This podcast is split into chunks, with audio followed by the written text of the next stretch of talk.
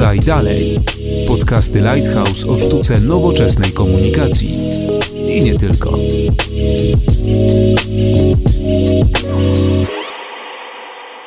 Dzień dobry, Konrad Domański. Zapraszam na 34. odcinek podcastu Podaj Dalej, w którym porozmawiamy o chirurgii robotycznej, porozmawiamy o przyszłości tej branży. Na pewno będzie sporo ciekawostek w kontekście chociażby na przykład zdalnych operacji, w kontekście działania takiej technologii.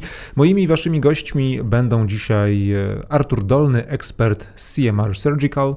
Witam Państwa oraz Krzysztof Chodkowski, ekspert zajmujący się nowymi technologiami w Lighthouse. Dzień dobry, cześć. Jak budować zaufanie pacjentów i lekarzy do chirurgii robotycznej? Bo muszę przyznać, że no jest to jakby nie patrzeć działka, która pewnie u takich osób przyzwyczajonych do tradycyjnych operacji może wzbudzać mhm. sporo kontrowersji i obaw też przed tym, czy taka operacja może być równie skuteczna jak tradycyjna operacja, gdzie chirurg stoi przed nami. Myślę, że dużo łatwiej jest budować takie zaufanie wśród lekarzy, dlatego że możemy wykorzystać tutaj takie narzędzia jak evidence-based medicine, czyli medycyna oparta na faktach, jak badania kliniczne, jak i opinion liderów, liderów z dziedziny robotyki medycznej, którzy no, są innowatorami i za takimi liderami podążają naśladowcy.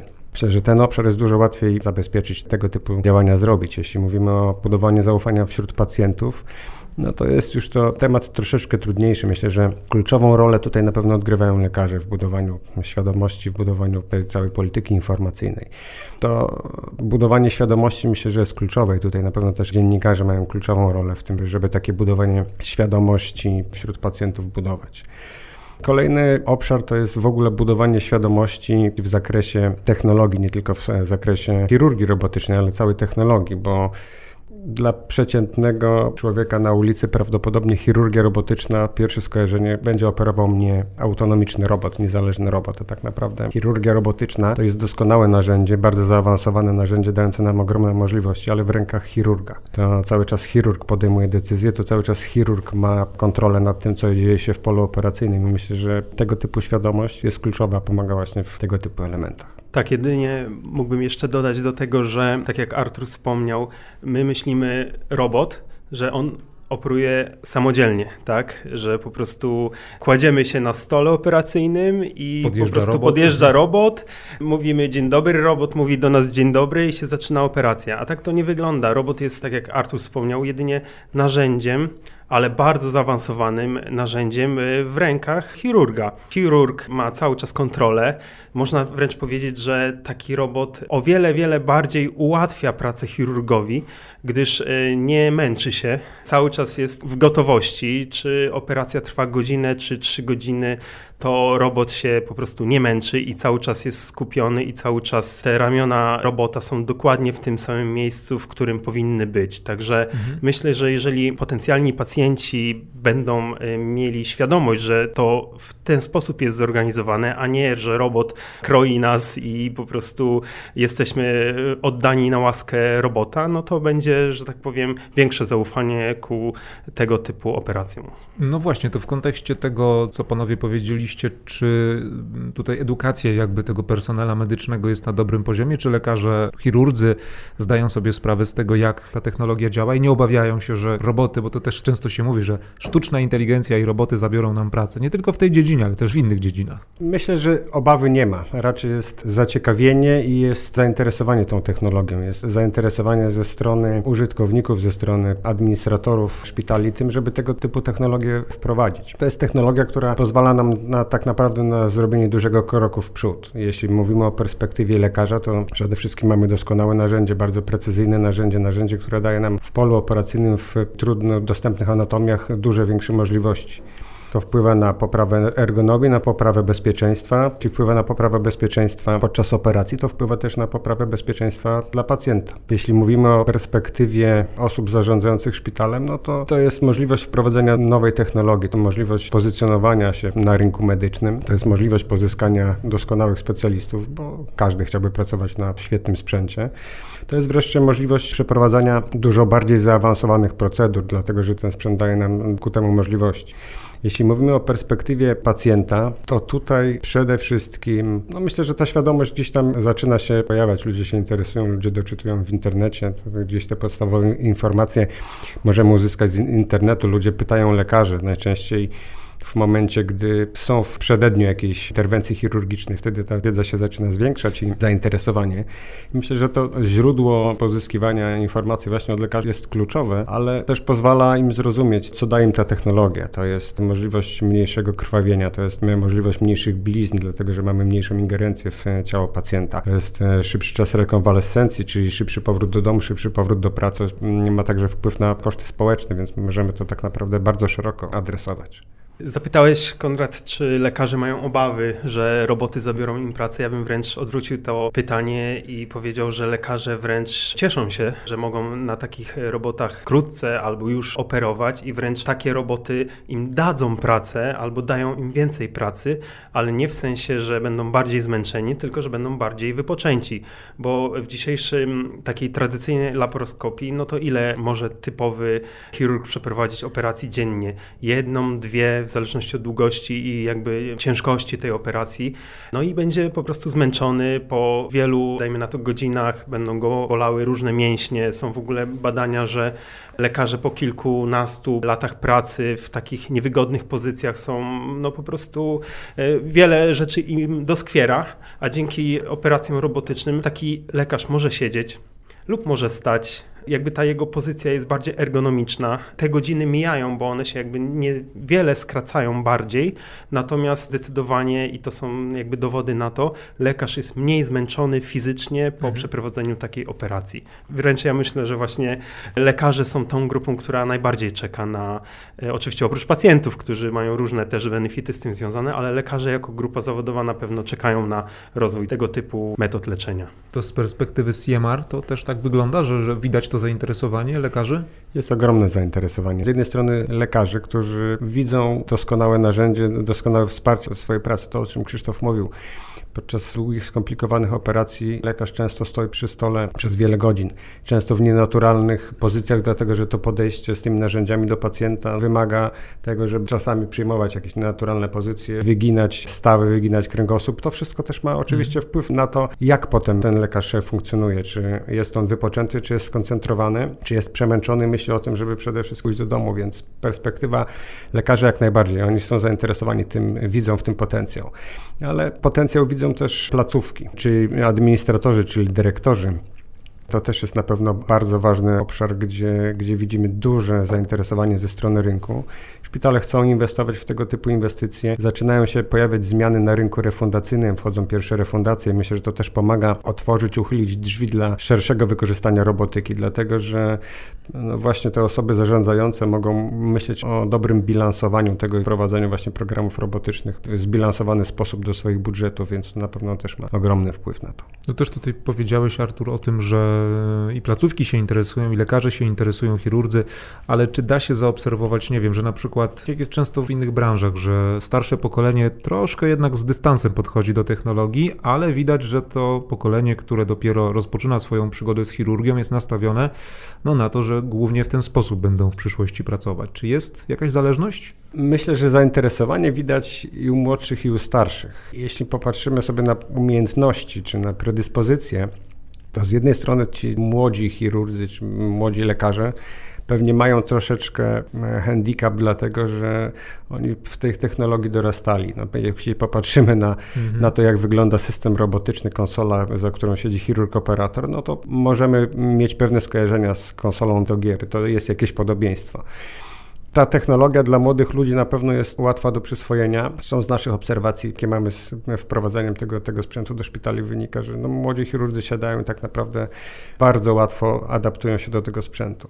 Ale z drugiej strony doświadczeni chirurdzy, którzy też wykazują dosyć spore zainteresowanie tą technologią, mają inną przewagę. Oni mają przewagę doświadczenia w e, setkach przeprowadzonych operacji, często w, także w laparoskopii, co w niektórych przypadkach może być jakąś przeszkodą, natomiast w większości przypadków przypadków daje im dodatkowe umiejętności, bo to są umiejętności pracowania w małym polu podobnymi narzędziami. Mhm Więc tutaj moim zdaniem wiek nie jest żadną przeszkodą do tego, żeby pracować na tym systemie, a tak jak mówię, zainteresowanie widzimy we wszystkich grupach wiekowych. To do Ciebie Krzysztof pytanie w związku też właśnie z tym sposobem uczenia, sposobem przekazywania, z racji, że jako ekspert pracujesz w komunikacji. Powiedz, jak właśnie wygląda komunikacja tego tematu? Czy nie wiem, dziennikarze, czy osoby, z którymi rozmawiasz, rozmawiacie, przyjmują to łatwo, czy ciężko jest wytłumaczyć e, mhm. ludziom, jak to działa?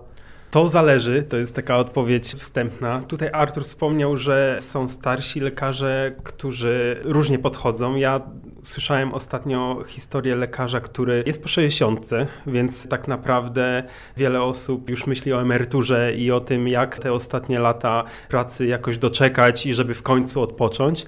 Natomiast słyszałem o lekarzach po 60, którzy z wielką chęcią zaczynają treningi robotyczne, bo ta krzywa uczenia jest bardzo szybka. Mhm.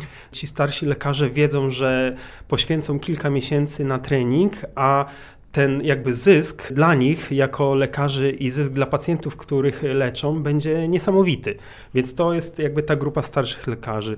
Młodsi lekarze, a właściwie studenci dopiero, którzy zaczynają swoją przygodę z medycyną, oni wybierają specjalizację tym, kim chcą zostać, czy bardziej anestezjologiem, czy chirurgiem, dopiero po kilku latach e, nauki takiej ogólnej e, na medycynie. I w obecnym systemie są duże braki właśnie chirurgów, że studenci jakby nauczeni doświadczeniami starszych kolegów wiedzą, że to nie jest intratny zawód, tylko wiąże się z różnymi ciężkimi sytuacjami, czy to zdrowotnymi, czy właśnie jest to wymagający bardzo zawód. I zauważyliśmy tutaj też na rynku na przykład brytyjskim, gdzie systemy robotyczne są już nieco dłużej niż w Polsce, że taki młody student, wiedząc, że kończąc chirurgię, będzie mógł pracować na systemie robotycznym nowoczesnym, na nowoczesnych technologiach, o wiele chętniej wybiera taką specjalizację i zostaje chirurgiem. I to jest e, problem globalny, że tych chirurgów brakuje. W Polsce jest to też bardzo duży problem, więc na pewno taka nowa technologia pomoże nie tylko obecnym pacjentom, ale również nam tutaj, jak siedzimy. młodym ludziom, którzy pewnie też prędzej czy później takiej pomocy będą potrzebowali, więc myślę, że to wszyscy, jak tutaj siedzimy, trzymamy kciuki za, za rozwój nowych technologii. A pytasz o komunikację do dziennikarzy na przykład. To różnie z tym bywa, bo właśnie to, o czym mówiliśmy na początku, że jest taki odbiór, że robot sam operuje, więc to już jest takie jakby pytanie, a co jeżeli robot e, popełni błąd, tak? Gdzie jest ta odpowiedzialność, więc tutaj należy, prawda, to o czym mówiliśmy na początku mówić, że to robot sam nie operuje, że lekarz jest tutaj główno dowodzącym i cały czas ma jakby pieczę nad tym, co się dzieje, więc to jest jakby dopiero początek. Oczywiście te systemy robotyczne są znane od jakiegoś czasu, więc coraz lepiej, można powiedzieć, wygląda ta świadomość wśród dziennikarzy. Oczywiście dziennikarze z branży y, medycznej no, wiedzą więcej, tak? no bo chodzą na różne targi, na różne pokazy. Niedawno były targi Salmet w Poznaniu, gdzie również roboty chirurgiczne były prezentowane, więc oni mogą jakby zobaczyć, dotknąć, y, sprawdzić. Co innego jest rozmowa na przykład z dziennikarzem z lokalnej prasy, gdzieś, który nie miał takiej okazji. Więc no to wtedy są zdjęcia, są filmy, są opowieści osób, które już miały okazję być pacjentami w takich operacjach i to wtedy taka bezpośrednia relacja dużo mówi bo ja się jeszcze nie spotkałem, żeby ktoś nie był zadowolony. Nie wiem, nie spotkałem się z niezadowolonym pacjentem, który był operowany robotycznie. Wszyscy jakby chwalą. Myślę, że dziennikarze później, że tak powiem, są zadowoleni z tych odpowiedzi. No tak, bo przekazują wiedzę dalej, tak, tak żeby przeciętne osoby, które nie miały z tym nigdy do czynienia, mogły trochę więcej się dowiedzieć. To jeszcze wrócę na chwilę do tego pokolenia. To nie jest tak też, że właśnie dzięki robotom e, ten okres pracy dla chirurgów się po prostu wydłuży, bo często gdzieś na filmach możemy obserwować chirurga, który już kończy swoją karierę, bo no niestety nie może tak precyzyjnie skalpelem operować, a, a robot, no podejrzewam, że może to znacznie wydłużyć jeszcze, usprawnić takim osobom, które po prostu już manualnie przez te lata pracy nie dają rady po prostu. Mamy takie opracowanie w współpracy z kilkoma ośrodkami, gdzie roboty zostały zainstalowane, że może to wpłynąć na wydłużenie kariery chirurga, mhm. dlatego że zaczynamy unikać przeciążenia. Siadamy sobie bądź stajemy, najczęściej chirurdzy siadają przy tej konsoli w ergonomicznej pozycji. Spędzają tak naprawdę kilka godzin w wygodnej pozycji pracy, nie mając tych przeciążeń, co wpływa na, no, z jednej strony na ich koncentrację, z drugiej strony na to, że są bardziej wypoczęci mogą do kolejnej procedury przystąpić e, tak naprawdę w dużo lepszej kondycji fizycznej. I to ma przełożenie na to, że z jednej strony nie mamy tych przeciążeń, z drugiej strony y, można spodziewać się wydłużenia czasu pracy tych lekarzy, w sensie wydłużenia ich kariery. To teraz tak troszkę przewrotnie. Mówimy tutaj cały czas o tym, że wiadomo, ten robot jest, ale ktoś musi zarządzać tym robotem, sterować i operować. Czy widzicie przyszłość taką, że roboty będą operować w stanie same, bez pomocy, bez ingerencji człowieka? Mhm. Czy to jest perspektywa odległa, czy to perspektywa bliska? No to jest bardzo dobre pytanie, myślę, na które dzisiaj nikt ze stuprocentową pewnością nie jest w stanie udzielić odpowiedzi. Jeśli popatrzymy na rozwój technologii, to w ciągu tych 20 ostatnich lat technologia bardzo przyspieszyła i rozwój technologii jest niesamowity. Myślę, że no pewnie gdzieś w przyszłości nie uciekniemy od tego, że roboty będą to autonomiczne urządzenia, które będą mogły podejmować e, samodzielne decyzje terapeutyczne bądź wykonywać polecenia na podstawie zadanych przez na przykład lekarzy decyzji terapeutycznych. Natomiast wydaje mi się, że jest jeszcze sporo przed nami i jeszcze chyba poczekamy trochę na to, żeby to się wydarzyło. Możemy tu mówić chociażby o dwóch aspektach. Z jednej strony aspekt etyczny, z drugiej strony aspekt prawny. To są rzeczy, które też na pewno trzeba rozpatrywać i myślę, że tak, ale jeszcze chyba trochę czasu przed nami, zanim to się stanie. Tak, tutaj mamy dwa aspekty, bo jeden aspekt to jest to, o czym powiedział Artur, czyli taka pełna autonomia robota i podejmowanie samodzielnych decyzji terapeutycznych, leczniczych, e, czy przyciąć bardziej tu w tym miejscu, czy przygrzać grzałką w tym miejscu, tak? To myślę, że to jest odległa perspektywa, natomiast drugim aspektem jest operowanie zdalne, na mhm. przykład wykorzystując 5G e, i to jest możliwe już teraz. I są takie przykłady operacji, które się odbyły na odległość, że chirurg siedział w Warszawie na Saskiej Kępie, a operacja miała miejsce w Australii. No, są takie e, już sytuacje. Natomiast, tak jak Artur wspomniał, jest tutaj ten aspekt prawny, że w polskim systemie nawet, nie wiem, odległość 5 metrów jest jakby niemożliwa, czyli nie można zrobić operacji, że chirurg siedzi w innym pokoju. Chirurg musi być przy pacjencie i musi obserwować na żywo, jak przebiega operacja. Także to jest jakby jedynie aspekt prawny, bo pod względem technicznym, technologicznym jest to do zrobienia już teraz. Tak, jeśli mówimy o operacjach na odległość, to Krzysztof, to co mówisz, no to znane jest od lat. Zresztą pierwsza taka idea wprowadzania robotów chirurgicznych to była była związana z wojskiem i z tym, żeby zabezpieczyć będących gdzieś daleko na froncie żołnierzy w postaci możliwości operowania za pomocą takiego sprzętu. Natomiast aspekt prawny to są aspekty bardzo ważne. Tutaj jeszcze jeden istotny aspekt to jest aspekt bezpieczeństwa bo nie mówimy o ekstremalnych sytuacjach, gdzie no, jest potrzeba na przykład podczas wojny operowania żołnierza i jest ryzyko, ale, ale to jest jedyna możliwość, żeby tak zrobić. Jeśli tak jest, no to jak gdyby te dylematy są mniejsze. Tutaj w mm, normalnych warunkach no przede wszystkim pacjentowi musimy zapewnić bezpieczeństwo. Mamy technologię 5G, to o czym, no, o czym mówicie, są światłowody. Natomiast co w momencie, jeśli dojdzie do zaniku transmisji, ta transmisja jest przerwana gdzie tutaj jest bezpieczeństwo pacjenta. To się wiąże z pewnymi ryzykami. Myślę, że no, ta technologia może być wykorzystywana, natomiast na pewno idea powstawania robotów nie jest taka, żeby operować na odległość. Tutaj jak gdyby mamy inne cele i te roboty mają dużo e, większe możliwości, dużo więcej dania w e, innych aspektach, to o czym mówiliśmy o precyzji, e, o ergonomii, o bezpieczeństwie, niekoniecznie pod kątem operowania na odległość. Chociaż oczywiście, tak jak Krzysztof mówisz, to z technicznego punktu widzenia nie jest niemożliwe, ale myślę, że na ten moment nie jest to priorytetem w rozwijaniu tych technologii. Mówimy tutaj o robotach stricte do operacji ludzkich, a czy już są, a może będą też roboty, które będą w stanie operować zwierzęta, czy na przykład roboty, które będą w stanie wykonywać troszkę mniej inwazyjne operacje, może nawet nie operacje, jakieś zabiegi, albo po prostu roboty, nie wiem, stomatologiczne. No jak popatrzymy, w jakich dziedzinach jesteśmy w tej chwili obecni z robotyką chirurgiczną, to mamy chirurgię ogólną, mamy ginekologię, mamy urologię, torakochirurgię, neurochirurgię, ortopedię. Myślę, że tak naprawdę tylko nasza wyobraźnia może być y, tą rzeczą, która nas tutaj hamuje z jednej strony, z drugiej strony oczywiście potrzeby rynkowe i potrzeby kliniczne, czyli tak naprawdę potrzeby wynikające z rynku, żeby takie technologie wprowadzić. No, oczywiście te technologie są wprowadzane coraz szerzej, nie, nie wykluczam, że może być to wprowadzone w stomatologii. Pytanie, czy wskazania kliniczne jakichś procedur by ku temu były i byłyby jakieś benefity tego. E, kolejny element, czyli weterynaria, no to tak naprawdę dla mnie weterynaria to jest dobrym gdzieś tam kierunkiem do tego, żeby pewne rzeczy sprawdzać. Weterynarii na przykład, zanim prowadzimy je do chirurgii w szpitalach, gdzie leczymy ludzi. Więc być może to, natomiast no tak jak mówię, no tutaj z jednej strony możliwości są ogromne, z drugiej strony na pewno musi być potrzeba i biznesowa, i kliniczna. Tak, no można się tak troszkę zażartować, czy oddalibyśmy własne zęby w ręce chirurga robotycznego. No nie wiem, y, czy... No chyba byśmy... mniej, mniej ryzykowne niż serce na no, pewno. No, chyba tak, chyba tak. Ja myślę, że tutaj Artur dobrze wspomniał, że tak naprawdę jedynie no, wyobraźnia może nas jakoś tutaj ograniczać, i już dzisiaj są e, różnego typu roboty, nie tylko chirurgiczne, ale w różnych innych dziedzinach e, medycyny. I za kilka lat to myślę, że to się rozleje szybciej niż myślimy.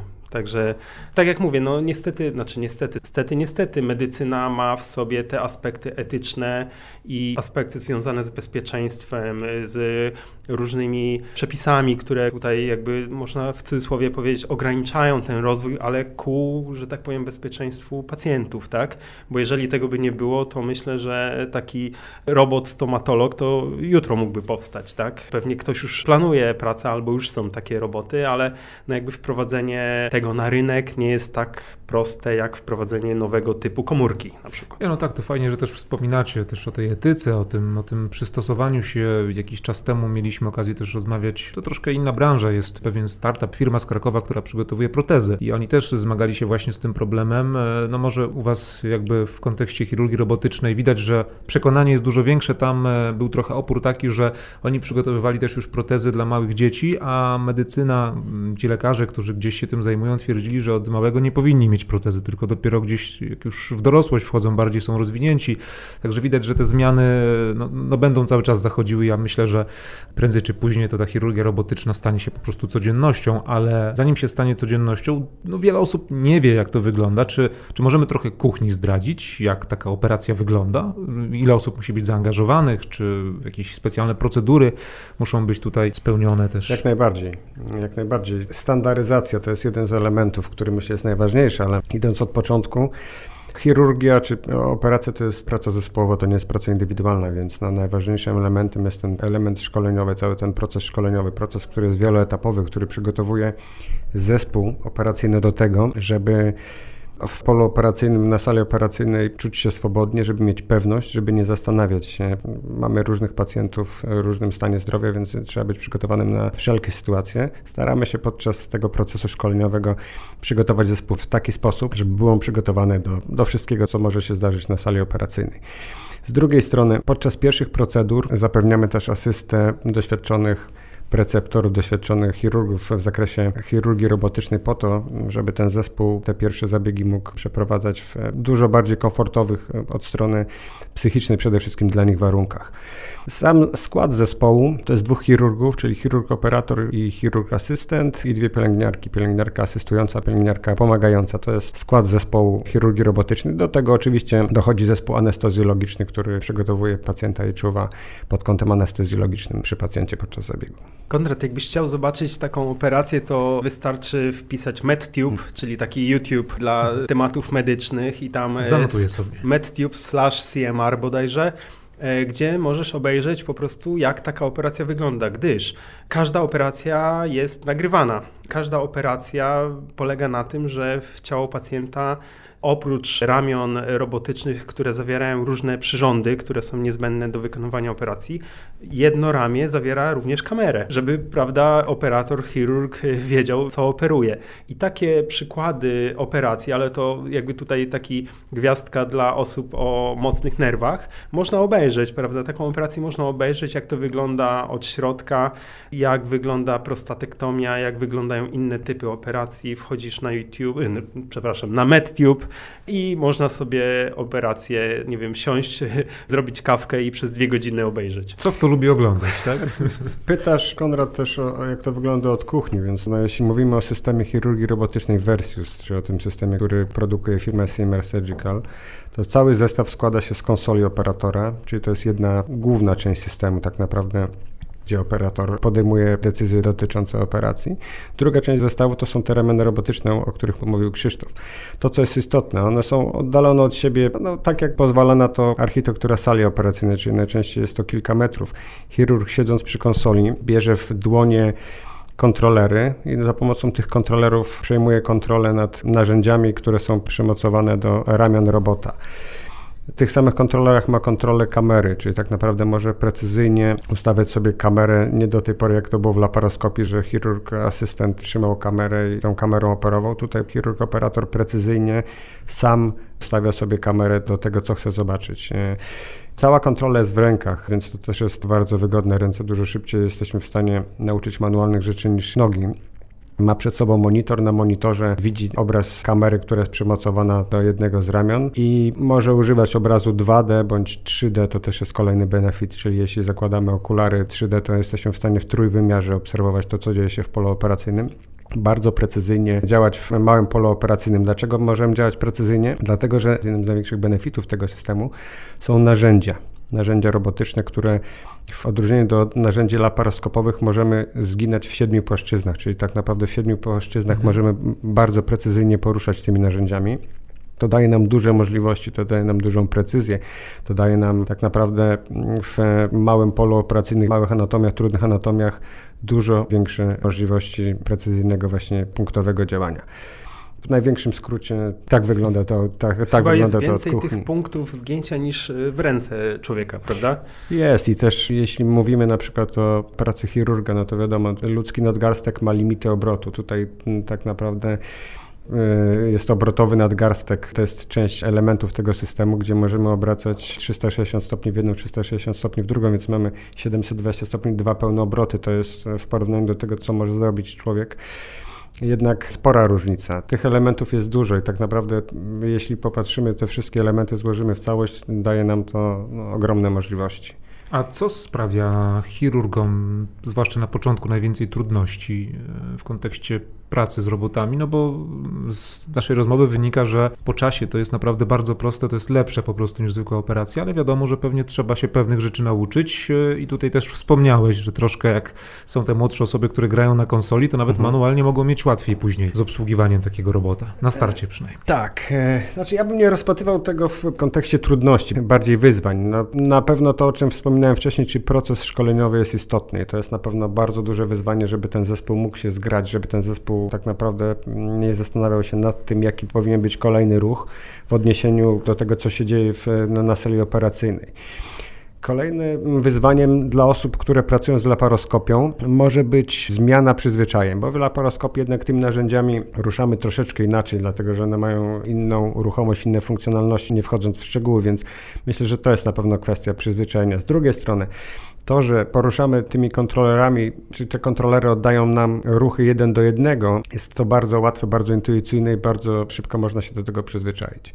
Myślę, że pewnie to są największe wyzwania związane z mm, tą tematyką, z robotyką. No, Konrad, jeżeli wychodzi nowa jakaś konsola na rynku, no to też pewnie masz yy, chwilę takiego zastanowienia, że ok, grałem przez 10 lat w jedną konsolę, teraz mamy się uczyć na nowej. No tak, kontrolery zawsze trochę się różnią. Tak, tak. I tutaj jest, jest podobnie, że szczególnie wśród y, starszego pokolenia, no może być taki leciutki opór, no bo jeżeli coś się robiło przez 20 lat i to tam plus minus jakoś dobrze działało, no to dlaczego mamy y, zmieniać swoje przyzwyczajenie, pomimo, że no jakby potencjalne benefity są niesamowite. I to jest tak, że właśnie na róż, różnego rodzaju pokazach, targach, y, w szpitalach, gdzie ten robot chirurgiczny jest pokazywany, to po chwili wszyscy, no można powiedzieć w skrócie, są zachwyceni. Bo co należy dodać, że ten robot chirurgiczny został zaprojektowany przez lekarzy.